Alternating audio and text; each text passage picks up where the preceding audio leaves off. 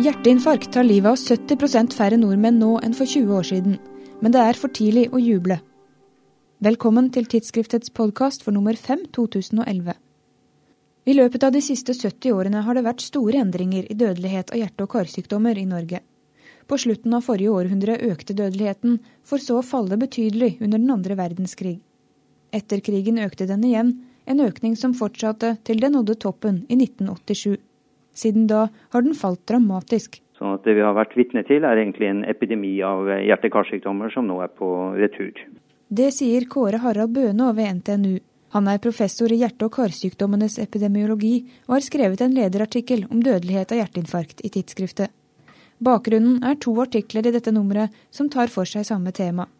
Åsmund Reikvam og Terje Hagen ved Universitetet i Oslo har funnet at for aldersgruppen under 80 år har dødeligheten falt med rundt 70% de siste 20 årene. Svært gledelige tall, sier Bønå. Hjerteinfarkt er jo en veldig alvorlig sykdom. Det har høy dødelighet. Det er også en sykdom som har høy eh, morbiditet eh, og redusert livskvalitet. Sånn at dette er veldig, eh, veldig gledelig. Nedgangen skyldes trolig en kombinasjon av forebygging og behandling.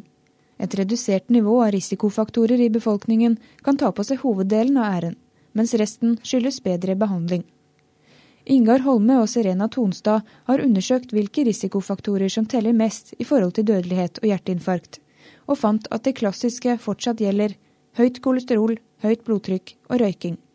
Men vi har altså blitt flinkere. Ja, I Norge har vi jo sett en markert reduksjon i, i røykevaner. Altså Røyking er jo halvert eh, i den norske befolkning fra, fra 70-tallet og, og fram til nå. Det er klart at det har hatt stor betydning for uh, dødelighet av hjerteinfarkt. Også kolesterolet vårt har blitt bedre. Det skyldes i hovedsak kostholdet. Så når man ser på kolesterol i eh, befolkninga, så er det nok kosthold som, som betyr eh, mest. Eh, medikamenter, altså statiner, bidrar jo noe, men det er jo først og fremst eller personer som har hjerte-karsykdom som får statiner, sånn at de har nok ikke betydd så mye for nivået av kolesterol generelt i befolkninga. Men Færre dør, men er det også fordi færre får hjerteinfarkt? Ja, det er det. Kanskje to tredjedeler av, uh, av reduksjonen i dødelighet eh, skyldes redusert uh, insidens, altså at færre får hjerteinfarkt, og at den resterende tredjedelen skyldes at dødelighet, altså letalitet, er blitt mindre. Altså prognosene til hjerteinfarkt har, har bedra seg. Men kampen mot hjerteinfarktepidemien er langt fra vunnet.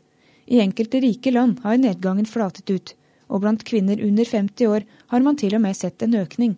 Det kan henge sammen med at eh, røykevaner ikke har endra seg like gunstig eh, hos kvinner som eh, hos menn. Og vi vet at kvinner tåler røyking enda dårligere enn det menn gjør.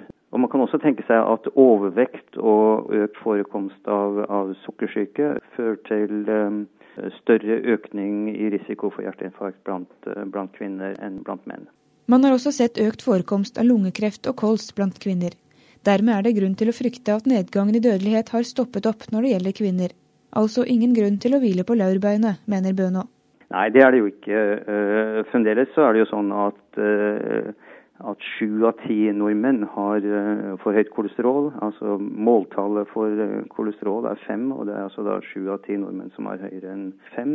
Fremdeles er det altfor mange som, uh, som, røyker, og det er jo nå da flere kvinner enn menn som røyker i den norske befolkning. Og vi har også en betydelig sosioøkonomisk gradient som vi må gjøre noe med. Altså Dødelighet av, av hjerte-karsykdommer er nesten dobbelt så stor blant personer som kun har grunnskoleutdanning sammenligna med de som har eh, universitetsutdanning. Sånn at det er viktig at eh, både folk som driver med forebygging og vi som behandler pasienter, har, eh, har fokus på hjerteinfarkt og gjør det vi kan for å redusere dødelighet.